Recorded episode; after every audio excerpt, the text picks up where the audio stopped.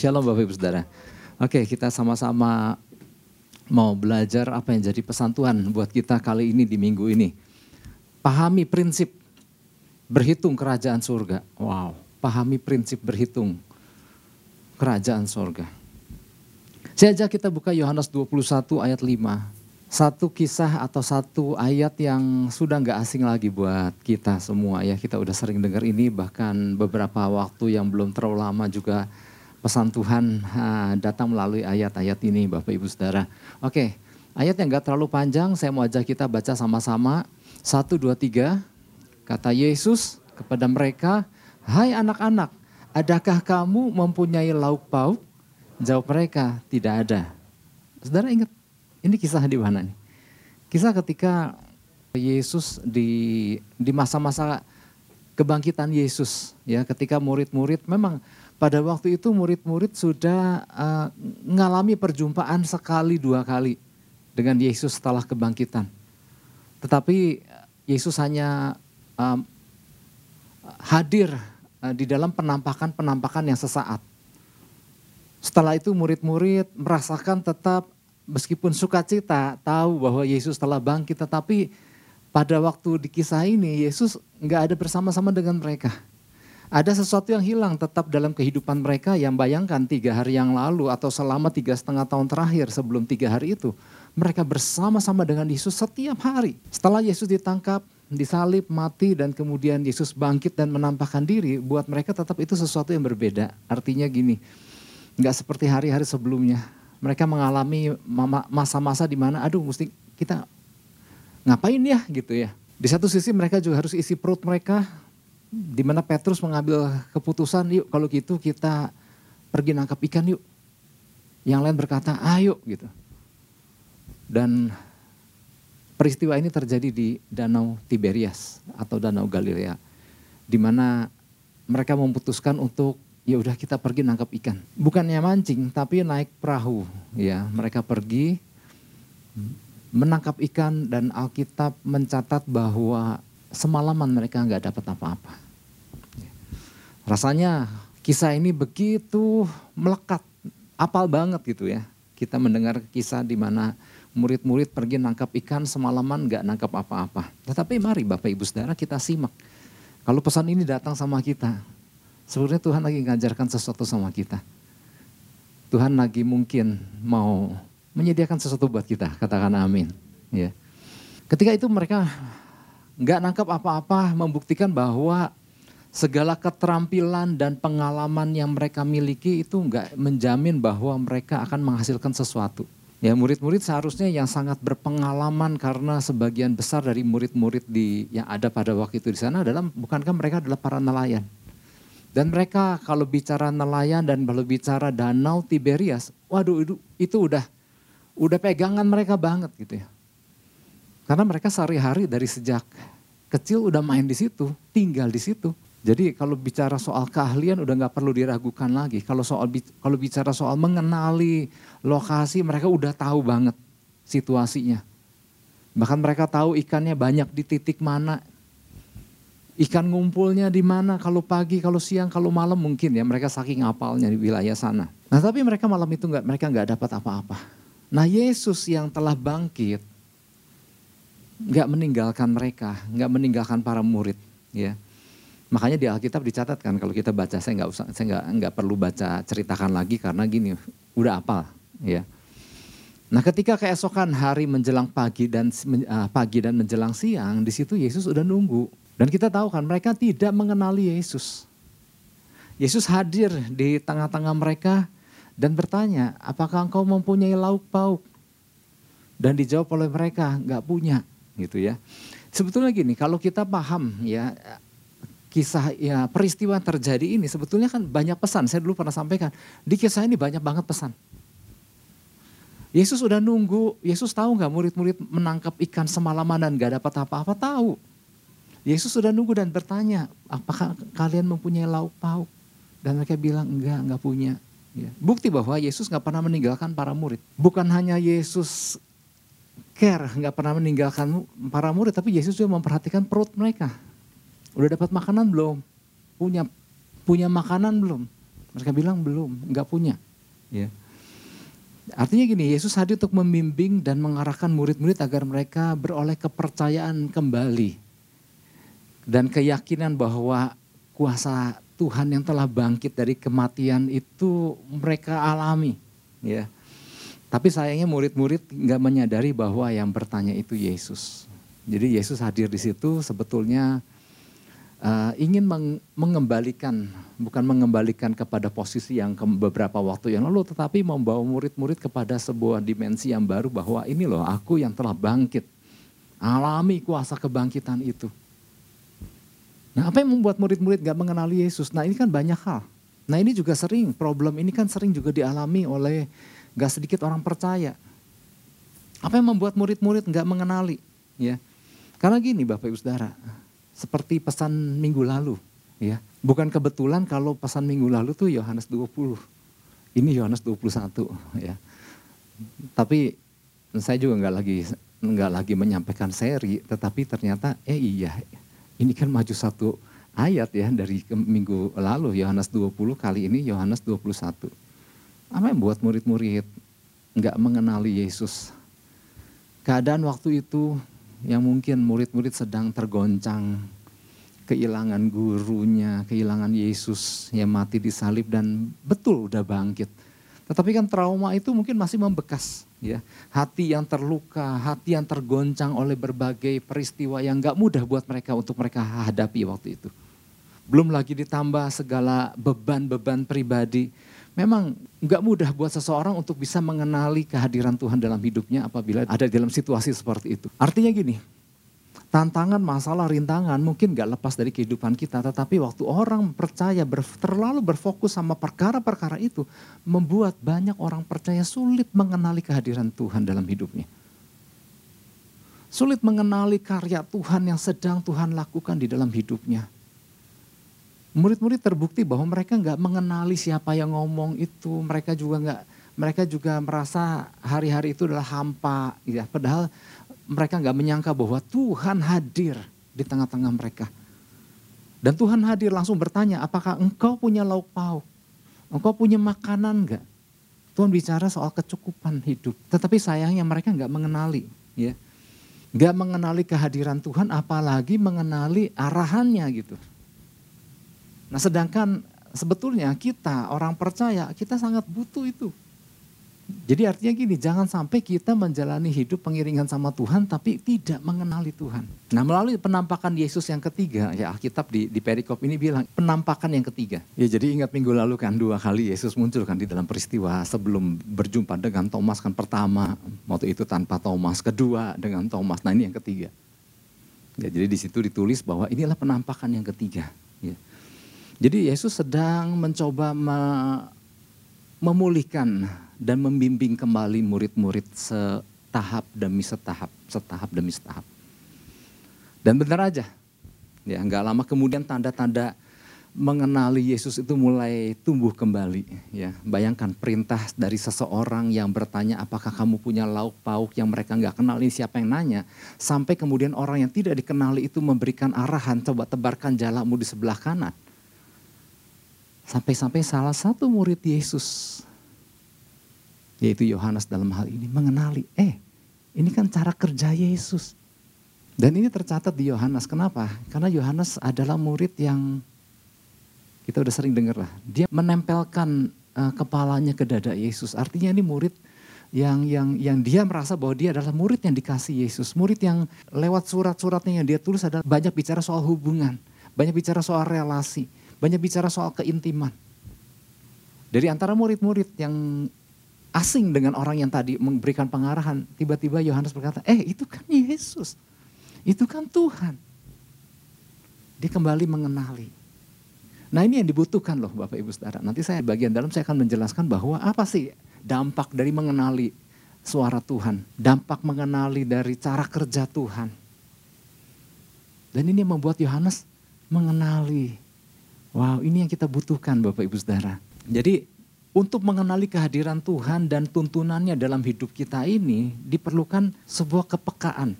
Artinya gini, kepekaan dalam hal apa? Dalam hal mengenali kebiasaan-kebiasaan yang Yesus lakukan. Lewat baca firman Tuhan kita mulai tahu kan, oh cara kerjanya seperti ini.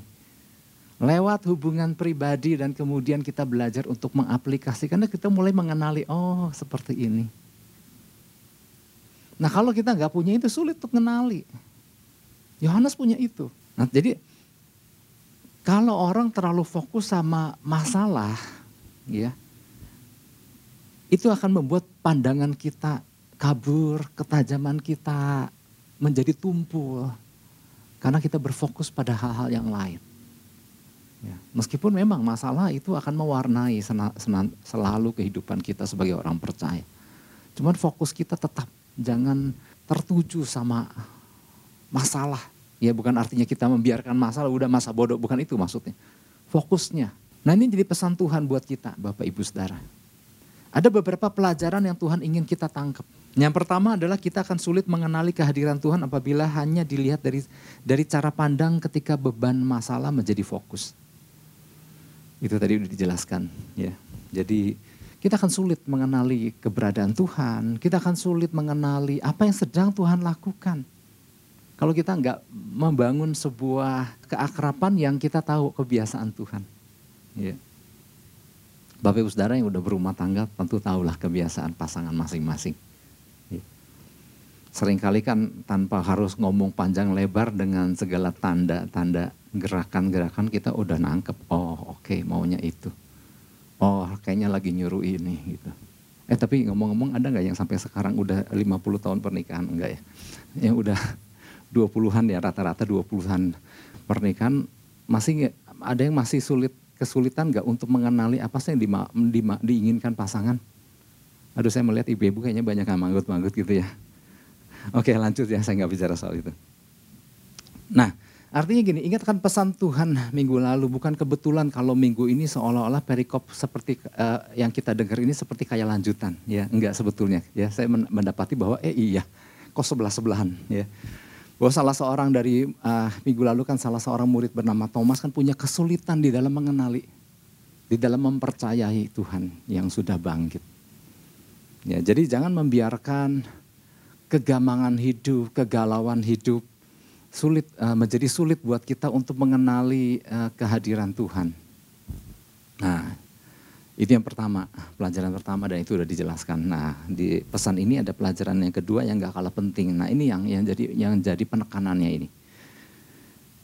Tuhan sebetulnya mau mengajarkan kita cara mengenali, cara berhitung kerajaan sorga ini jangan disalahpahami ya, bukan bukan ini lagi ngajarin kita untuk jadi hitung-hitungan atau enggak hitung-hitungan, bukan soal itu, penekanannya. Jadi ada cara apa? Cara berhitung kerajaan sorga. Jadi prinsip dunia di dalam berkalkulasi itu beda dengan prinsip kerajaan sorga dalam berkalkulasi. Nah ini yang kita, yang Tuhan mau kita, yuk pahami cara kerja Tuhan. Tuhan juga banyak di Alkitab memunculkan angka-angka yang sering kali cara Tuhan berhitung itu beda dengan cara dunia umumnya pakai. Nah sering kali yang sering terjadi adalah gini, kita nih manusia dan khususnya orang percaya masih terpaku dengan cara perhitungan yang dunia umum pakai. Sedangkan cara hitung kerajaan surga, prinsip kerajaan surga itu sangat berbeda. Tuhan mau kita menyelaraskan cara pandang kita dalam hal berkalkulasi ini yang yang kita gunakan selama ini untuk diselaraskan dengan Tuhan. Ya. Nah, jadi apabila kita dengar tentang hitungan-hitungan yang pasti sering kali apa yang di Tuhan gunakan dan itu tercatat di Alkitab itu beda. Nah mulai kita, Tuhan mau kita yuk mulai selaraskan cara berpikir kita Misalnya kalau di dalam praktek dunia satu tambah satu tambah satu kalau nggak salah waktu itu Pak Afing sempat nyampaikan ya. Satu tambah satu tambah satu berapa? Ya ampun takut dijebak. Tiga. Tapi kalau Alkitab satu tambah satu tambah satu berapa? Satu. Lima tambah dua menurut umumnya kan tujuh. Kalau Alkitab lima roti dua ikan. Lima ribu. Nah artinya gini kita mau mau uh, lewat pesannya ini Tuhan mau kita mulai memahami cara kerja Tuhan. Berbeda dengan prinsip yang selama ini dunia pahami. Nah kalau kita masih terus bergerak dengan prinsip yang dunia lakukan, maka kita hanya akan terpentok dengan hukum-hukum umum, hitungan-hitungan umum yang dunia pahami. Ya kalau lima tambah dua ya udah tujuh, ya udah kalaupun sampai dapat, dapatnya tujuh gitu. Tapi kemudian apabila kita mulai selaraskan dengan cara Tuhan dan kuasa Tuhan di dalamnya, maka lima tambah dua sama dengan lima ribu. Melalui pesannya ini Tuhan mau kita mulai pahami prinsip-prinsip itu. Ya, nyampe nggak di akal pemikiran kita? Nggak nyampe. Tapi Tuhan mau kita yuk selami, hidupi itu. Jadi apa harus kita lakukan agar kita memahami prinsip berhitung kerajaan sorga ini? Ya ada beberapa. Yang pertama belajar menyelaraskan prinsip kita dengan prinsip yang Tuhan lakukan. Belajar menyelaraskan. Soalnya kalau kita nggak menyelaraskan maka kita akan mentok di prinsip dunia aja gitu. Ya, Yohanes 21 ayat 5 sampai 6. Kata Yesus kepada mereka, "Hai anak-anak, adakah kamu mempunyai lauk pauk?" Jawab mereka, "Tidak ada." Ayat 6. Maka kata Yesus kepada mereka, "Tebarkanlah jalamu di sebelah kanan perahu, maka akan kamu peroleh." Lalu mereka menebarkannya dan mereka tidak dapat menariknya lagi karena banyaknya ikan. Wow. Jadi kalau kita perhatikan ayat di atas Bapak Ibu Saudara, adakah di sini kita menemukan prinsip cara menjala ikan yang baik seperti yang dipahami nelayan pada umumnya dilakukan di sini. Kalau kita perhatikan segala prinsip menjala ikan dengan baik yang dipahami oleh nelayan Galilea, nelayan Genesaret itu nggak digunakan di sini. Nanti kita akan belajar. Ya, jadi ternyata gini Bapak Ibu Saudara. Dan hasilnya adalah waktu semalam mereka menjala ikan dengan prinsip menjala ikan yang baik versi nelayan Galilea. Mereka nelayan-nelayan berpengalaman. Mereka nelayan-nelayan handal. Hasilnya adalah mereka tidak menangkap apa-apa. Hari ini, ketika hari menjelang siang,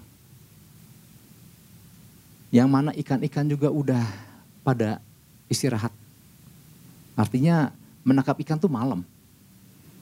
Tetapi yang terjadi adalah mereka mendapat ikan yang banyak mereka menebarkan dan mereka tidak dapat menariknya lagi karena banyaknya ikan. Jadi kalau kita perhatikan nggak digunakan prinsip dasar sekolah nelayan Galilea. Tapi jangan disalahpahami Bapak Ibu Saudara ya, kalau saya bilang begini bukan artinya wah ternyata percuma dong Pak saya sekolah gitu. Bukan itu.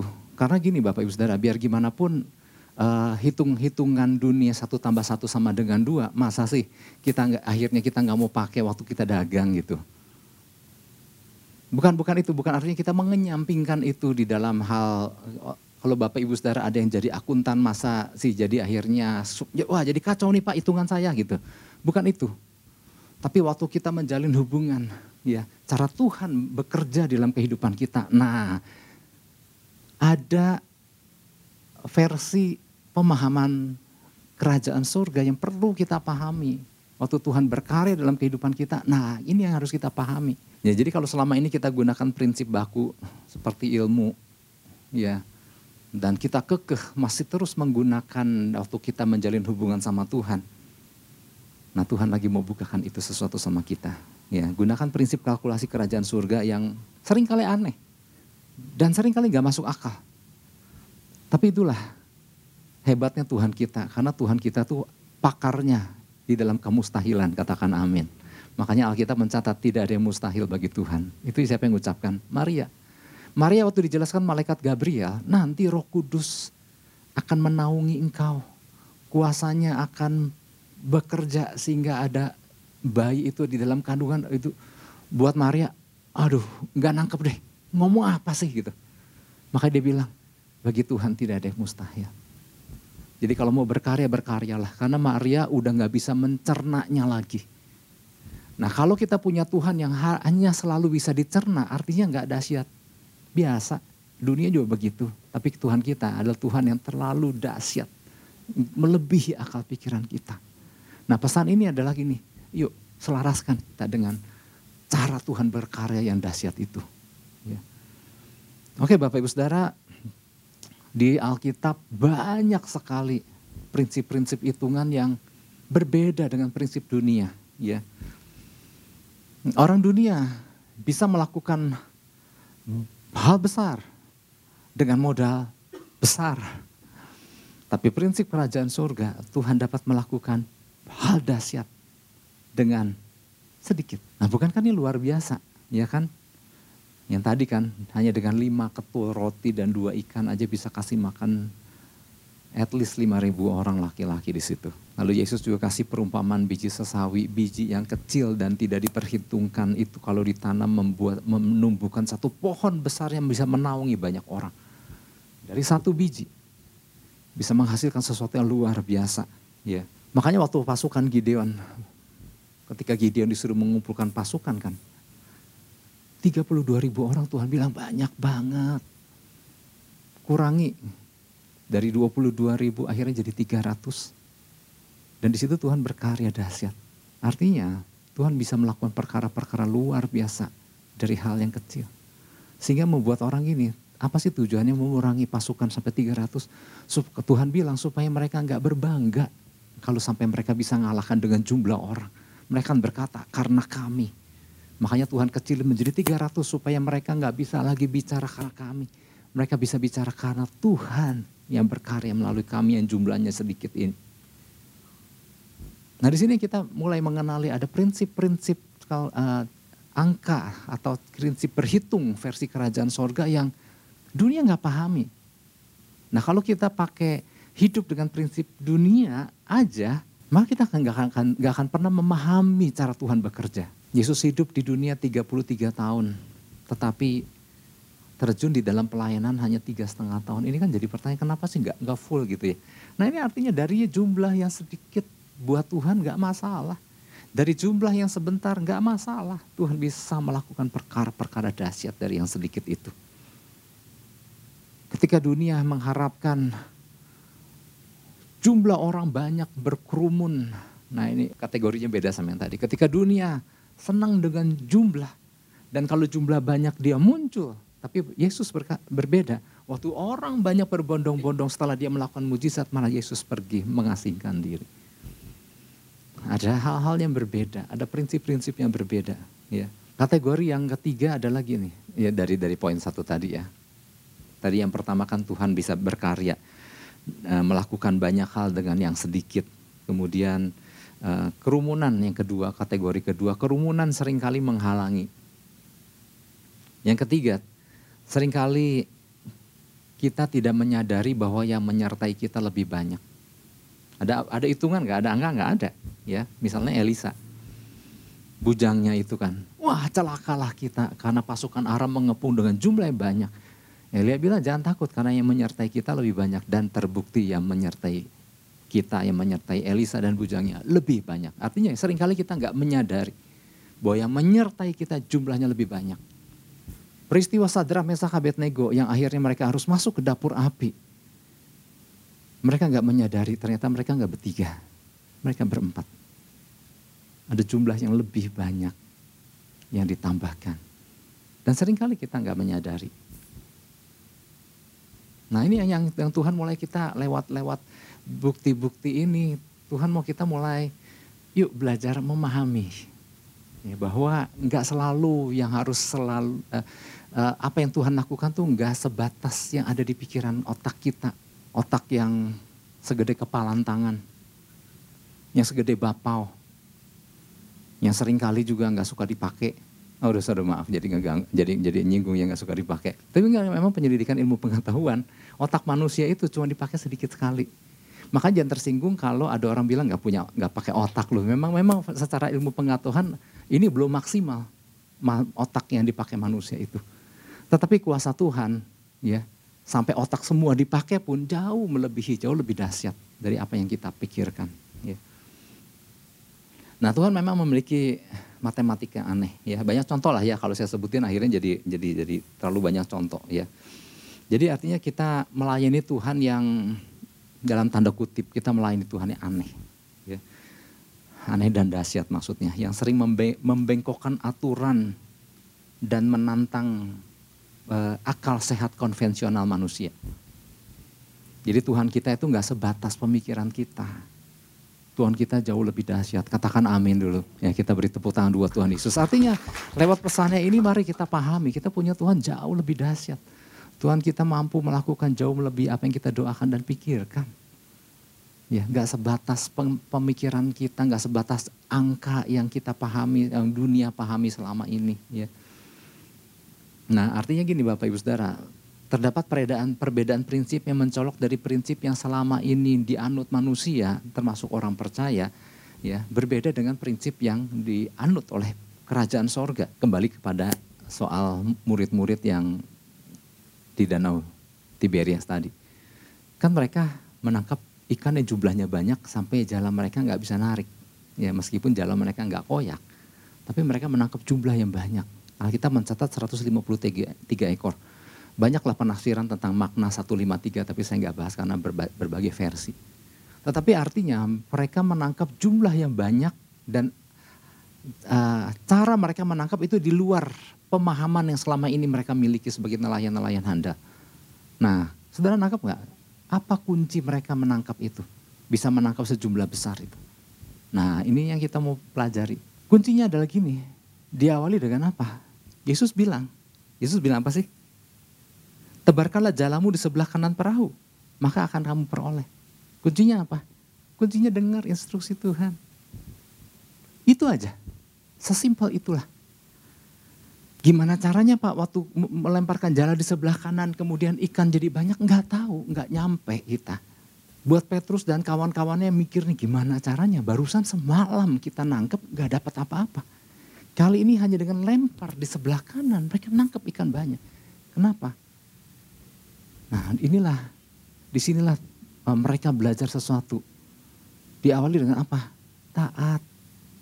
Ikutin instruksi Tuhan kenali arahannya. Dan bukankah selama ini Tuhan selalu ajar kita kasih arahan, kasih instruksi. Seberapa, seberapa banyak yang kita pahami itu dan kita aplikasikan dan kita hidupi itu. Seringkali kan kita melewati pesan demi pesan. Ya artinya gini maksudnya, sorry. Enggak sedikit orang percaya yang hanya sekedar melewati, melewati. Atau gini, ada juga orang-orang orang percaya yang tahu bahwa ada pesan Tuhan. Tapi mereka tetap ber, gelut dan sibuk dengan prinsip hitungan versi dunia hari lepas hari. Yang mana kita udah dengar beda banget dengan cara Tuhan berkarya. Nah ini yang Tuhan mau kita yuk mulai selaraskan. Ada pesan Tuhan, ada perkataan Tuhan, ada firman Tuhan. Tetapi ada orang juga yang enggan untuk dengar padahal kuncinya di situ. Katakan amin. Tebarkanlah jalan sebelah kanan. Mari kita belajar. Tuhan kasih arahan, arahan ke mana nih?